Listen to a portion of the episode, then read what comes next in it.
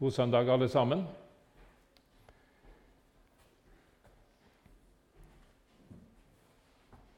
Kjære Jesus. Takker Herre for at vi kan komme til deg i denne stund. Herre, vi ber om at du må være stede, til stede med den gode Hellige Ånd. Åpenbaringsånd, Herre, slik at vi kunne få en berøring av deg gjennom ditt eget ord, Herre. Det takker vi for, og det ber vi om, Herre. Amen. Vi skal lese en tekst sammen fra Markus evangeliet. Det er det første kapittelet. Og vi skal faktisk lese de siste versene der, fra vers 40.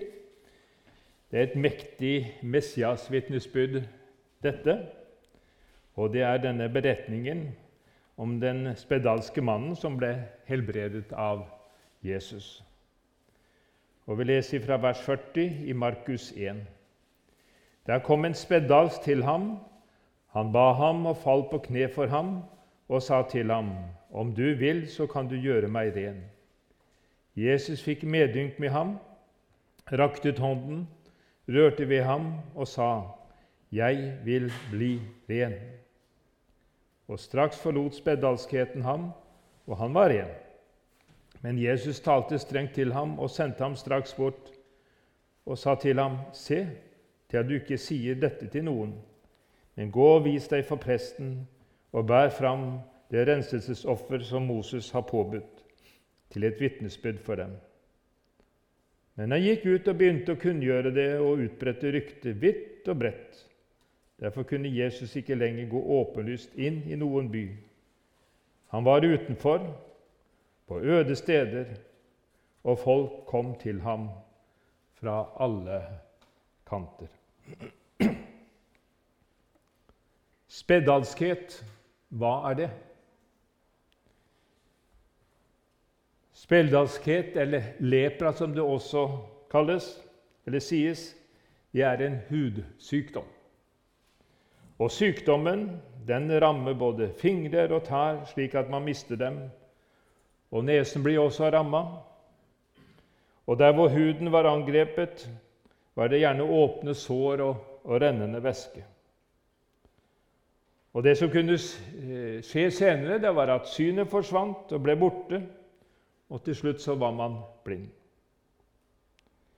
Og Spørsmålet er hvordan samfunnet gjorde med de som ble rammet av spedalskhet? Jo, vi kjenner til at eh, de spedalske ble isolert og utstøtt av samfunnet, slik at andre ikke skulle bli smittet. Og de friske måtte jo ikke bli smittet, fordi, de, fordi denne leprabasillen den kunne jo være smittsom. Og det var også slik at de spedalske de kunne være skamfulle pga. sin sykdom. Ja, til og med her i, i, vårt land hadde vi mange som var spedalske en gang i tiden. Det var store dødstall. På Jesu tid så er det situasjonen den samme som vi var vitne til her i denne beretningen som vi leste. De fikk ikke leve blant de friske, og de ble kalt urene. Og deres bolig, hva var det? I anførsel, ja, det var gjerne i huler og grotter, hvor de levde sammen, gjerne i kolonier. Og de som sto der nærmest, ja, de kom med mat på et avtalt sted, slik at maten kunne bli hentet. Så det forstår det å, å bli spedalsk og være spedalsk Det var en helt forferdelig ting som kunne ramme et menneske. Og som jeg nevnte, spedalskheten den gjorde det slik at vedkommende ble fullstendig isolert og ustøtt fra sin familie og sine nærmeste.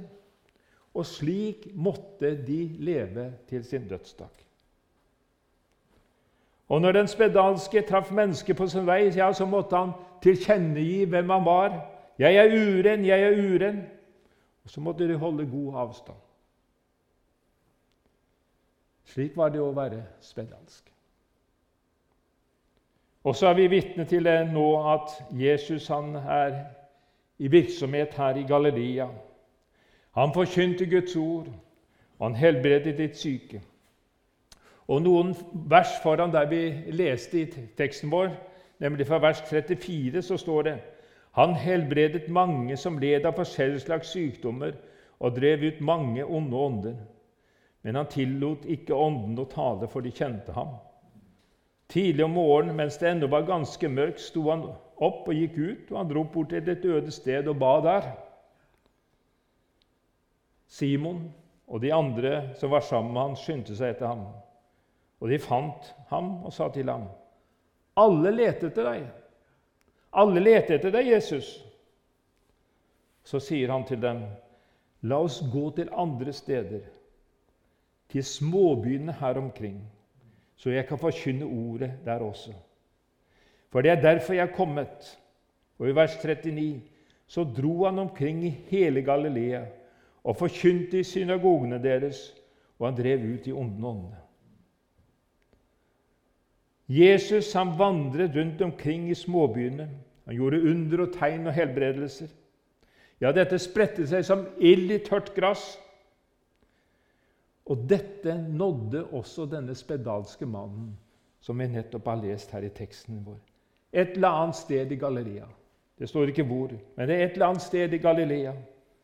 Gjerne i en småby. Og han trodde at Jesus kunne helbrede ham. Midt i all sin elendighet. Så han hadde et sterkt håp. Han trengte seg på Jesus og knelte foran ham og ba om helbredelse. Han sier, 'Om du vil, så kan du gjøre meg ren.' Den spedalske han brøt fullstendig med det som var praksis. Og på mange måter så ble møtet med Jesus her noe helt spesielt for denne spedalske mannen. Kan du tenke deg i hans situasjon her? Han var jo fullstendig vant med å bli avvist av folk. Folk pekte på ham, og han måtte rope 'uren, uren' når folk nærma seg, slik at de fikk tid til å forsvinne. Dette var hans hverdag. Ja, dette var hans hverdag. Hans hverdag var å bli avvist av mennesker. Hva hadde ikke det gjort med ham? Og så skjer det. Det står at Jesus fikk medfølelse med ham. Jesus fikk medynk på ham. Hva var det egentlig med Jesus? Og det folk rundt mente om de spedalske, tok Jesus ikke hensyn til. Jesus tok på ham. Kan du tenke deg? Jesus tok på ham.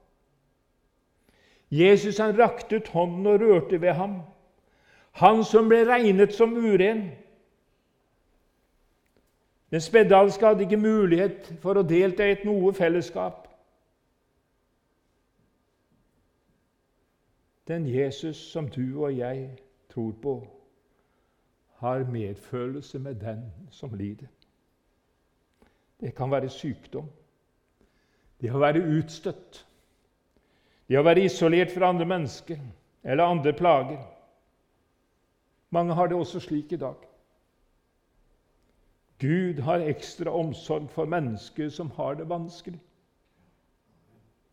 Og det er så godt å tenke på. Og Etter at denne spedalske mannen var blitt syk, så var det ingen håndtrykk. Ingen klem, ingen klapp på skuldra, og han var ikke behandlet som menneske på flere år. I andres øyne så var han en skabbete hund, en person som han helst skulle være foruten. Var det noen som tenkte kanskje er sykdommen en straff for noe mannen hadde gjort? Ja.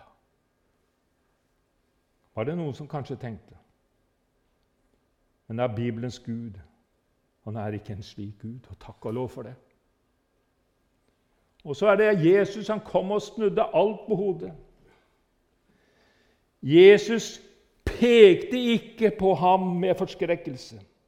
Jesus han snudde seg ikke i avsky og ropte 'uren'. Jesus han løp ikke sin vei. Og jeg gjentar Jesus tok på ham. Hva var det Jesus så? Jesus så en person bak sykdommen. Den spedalske ble behandlet som et menneske. Han var en verdifull person som samfunnet ikke ville ha noe med å gjøre. Og Nå kan vi stille oss i denne rekke spørsmål. Hva med smittefare? Visste ikke Jesus om den? Kunne ikke Jesus selv bli uren? Kontakt med spedalske, hva tenkte folk om det? Kan du tenke deg? Jeg vet ikke om vi kan se dette her foran oss i den settingen der. Nei, vi klarer vel ikke det, tror jeg. Men hva andre tenkte om det som skjedde Ja, det brydde Jesus seg ikke noe om, ser det ut for. For Jesus så var det dette. Det var ham og denne personen. Det var kun de to. Det var kun de to. Og det å bli ren var den spedalske sin største ønske i den gitte situasjonen. Og da gjorde Jesus det minst tenkelige, eller han gjorde det utenkelige, som jeg nevnte. Jesus rakte ut hånden og rørte ved ham. Og Så står det at den spedalske mannen ble ren. Og Jesus besvarte bønnen. Om du vil, så kan du gjøre meg ren, sier han til Jesus. Og så svarer Jesus, 'Jeg vil', sier han. 'Bli ren.' Og ved berøring av Jesus så forlot spedalskheten ham, og han ble ren, står det i vers 42 her. Den spedalske hadde kanskje dryppende sår og væske, puss og lepra basiller. Og I den situasjonen var det ikke greit å røre ved den spedalske. Men Jesus gjorde det. Hva viser Jesus? Jo, Jesus han viste her sin omsorg og kjærlighet for en person som virkelig trengte ham. Kanskje mer enn noen andre. Viste ham kjærlighet og medfølelse. Jesus behandlet ham som et menneske selv om han var syk. Og flere, gang, flere steder i evangeliene så viser Jesus sin spesielle omsorg for de som ble sett ned på, som var i en vanskelig livssituasjon, eller var kommet i en umulig situasjon. Prostituerte, lamme, besatte, enker og farløse. Og tollere. Og dette vi og dette er verdt å merke seg for Jesu etterfølger. Han viste sin omsorg og kjærlighet for de utstøtte i samfunnet. Den spedalske ble kalt uren og var uren i andres øyne. Og Da kom jo spørsmålet til meg også. Hva med meg? Er jeg uren? Bibelen forteller at når jeg synder mot Gud eller mot min neste, ja, så er jeg åndelig talt skitten og uren. Og det å være uren og skitten er nesten som å kjenne seg uverdig og mindreverdig. Samvittigheten den kommer, den rammer meg, og noe som er ugreit, sniker seg inn i mitt hjerte. Og spørsmålet blir hvordan skal jeg få det godt igjen, det som er blitt ødelagt? Det som er tungt, det som er vanskelig. Men Jesus sier i Matteus 11, 28, Kom til meg, alle som strever og har tungt å bære, og jeg vil gi dere hvile, sier han. Jeg skal få bekjenne hva jeg kjenner for Gud, det som gikk alt. Mine feiltrinn, dumhetene som jeg tenkte og gjorde og det som ikke var så greit. Og med det som utgangspunkt så kommer Jesus med sin renselse. for holde meg i det bildet. I 1. Johannes brev 1,7 står det Men dersom vi vandrer i lyset, liksom Han er i lyset, da har vi samfunn med hverandre, står det. Og Jesu, Hans Sønns blod, renser oss fra all synd. Og vi Går vi videre i neste kapittel i 1. Johannes brev, vers 1 og 2. Mine barn, dette skriver jeg til dere for, dere, for at dere ikke skal synde. Og hvis noen synder, har vi en talsmann hos Faderen, Jesus Kristus, den rettferdige. Og han er en soning for våre synder. Og det er ikke bare for våre, men også for hele verdens. Om det er store og svarte flekker i våre liv som vi ikke ønsker skulle være der, så tar Jesus det bort. Og han har tatt det bort og gjort oss hvite, gjort oss rene.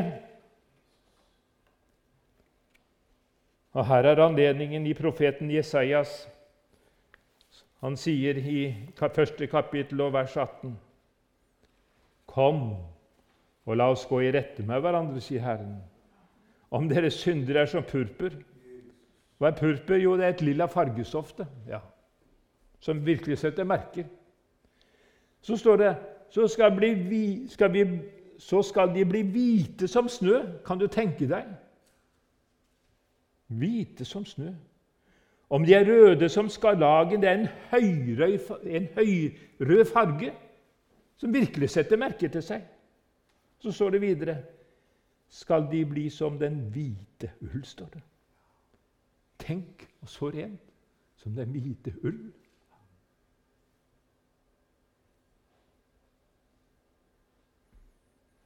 Gud, han tar bort dine skitne klær og gir deg de nye, hvite klær. Du kan bare gå i Sakarias kapittel 3, vers 3-4. Så var det en person som fikk erfare det. Men Josef var kledd i skitne klær da han sto for engelens åsyn. Og engelen tok til orde og sa til dem som sto foran ham, ta de skitne klærne av ham. Og til ham selv sa han, Se, jeg tar din misgjerning bort fra deg og kler deg i høytidsklær. Og Vi kan gå til den beretningen om lignelsen om den, den fortapte sønnen, eller beretningen om den fortapte sønnen, som fikk nye klær da han kom hjem, da han kom tilbake.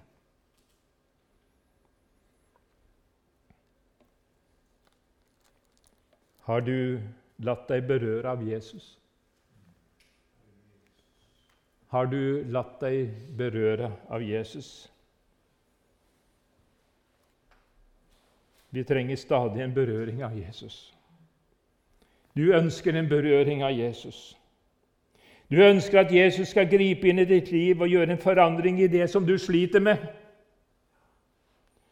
Og det er ingen som går gjennom livet uten sår eller å ha det vanskelig.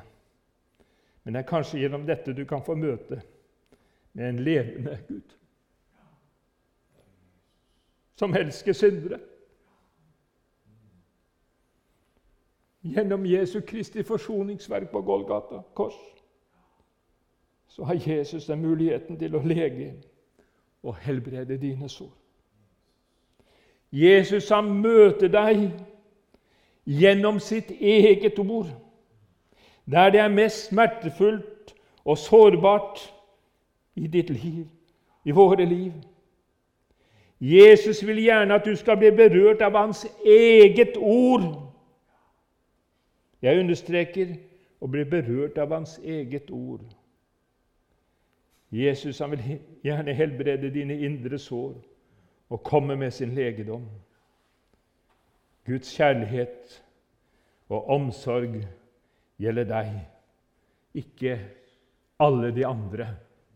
Nei, det er for deg.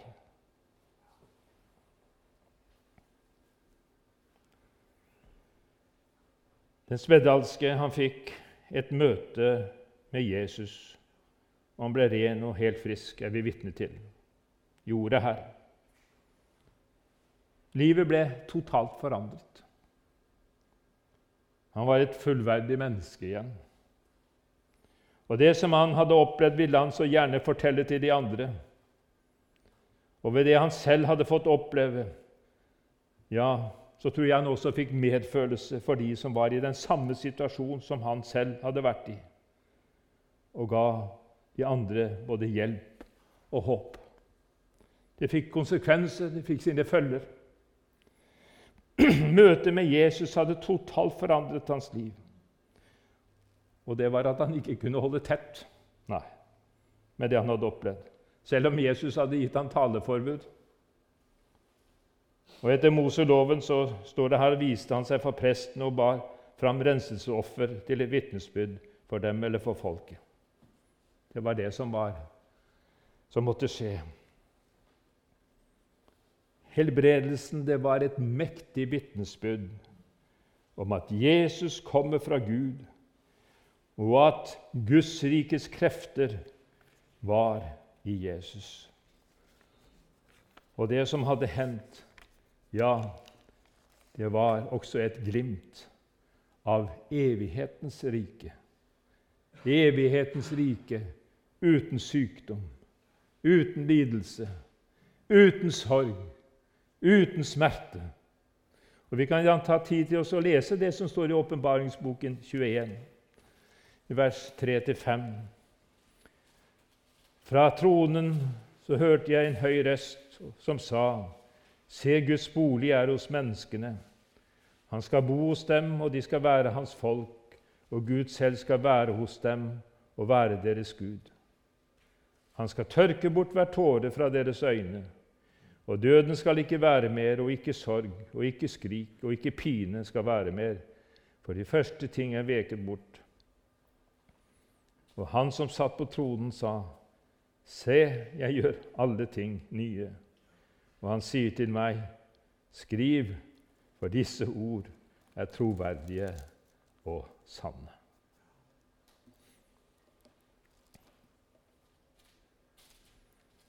I livssamfunnet med Jesus så er du i realiteten hans føtter og hans hender i denne verden. Du er kalt til å røre ved det som er urent, for å holde oss i det bildet. Forstår du? Du er kalt til å røre ved det som er urent. Du er kalt til å rekke ut hånden og hjelpe mennesker som er ustøtte og ensomme, som er i nød og i fattigdom, mennesker som ligger nede.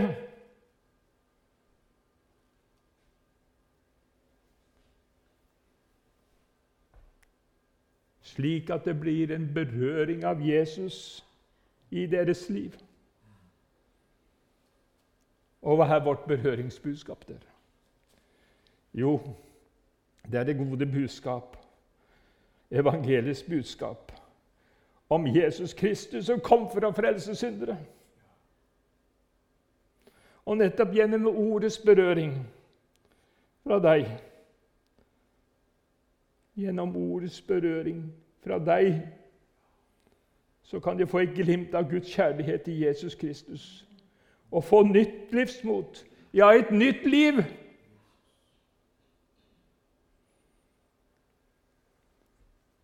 Tør vi snakke til og vise omsorg og vise interesse for mennesker som trenger oppmuntring og håp? Eller er vi redde for å skitne oss til? Er vi redde for å bli urene? Nettopp din kontakt kan være begynnelsen på noe stort ved et menneske som får en berøring av Jesus, blir frelst ved troen på ham som frelser fortapte syndere. Det er Guds nåde. Det er Guds nåde. Og så kan vi gjerne gjøre oss noen refleksjoner. Teksten som vi leste, har en medfølelse og en handling som er knyttet sammen. Hva med oss Jeg sier vi kan bare reflektere. Du skal få slippe å svare på det her og nå. Hva med oss? Hva viser våre handlinger av det som bor i hjertet? Hva hjelper det mine, med, hva hjelper det mine medmennesker om jeg har medfølelse? Om det stopper der? Og så må jeg få lese helt til slutt hvordan Ja, jeg, jeg, si, jeg, har ikke sett det før, for å si, si, si, det på den måten. Det er et ord som er hentet ut fra det femte Mosebok, det femtende kapittel og vers sju. Og så noen vers utover. Fra femte Mosebok, femtende kapittel og vers sju.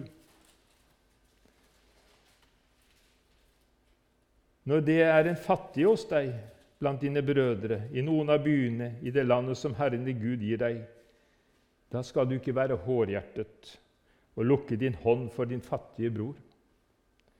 Men du, skal, men du skal lukke opp din hånd for ham og låne ham det han mangler og trenger til. Må huske på Det var ikke noe som het Nav denne gangen, den gangen. Vokt deg at du ikke kommer en ond tanke opp i ditt hjerte, så du sier Nå er det snart det sjuende året, ettergivelsesåret, og du ser med onde øyne på din fattige bror og gir ham ikke noe, for da kommer han til å klage over deg til Herren, og du fører synd over deg. Du skal gjerne gi ham, og la ikke ditt hjerte være ondt når du gir ham. For Herren din Gud vil velsigne deg i alt ditt arbeid og i alt det du tar deg fore fordi du gir. Og Det ellevte verset er For fattige kommer det alltid til å være i landet. Derfor byr jeg deg og sier, du skal lukke opp din hånd for din bror, for de trengende og fattige som du har, mitt, nei, som du har i ditt land. Amen.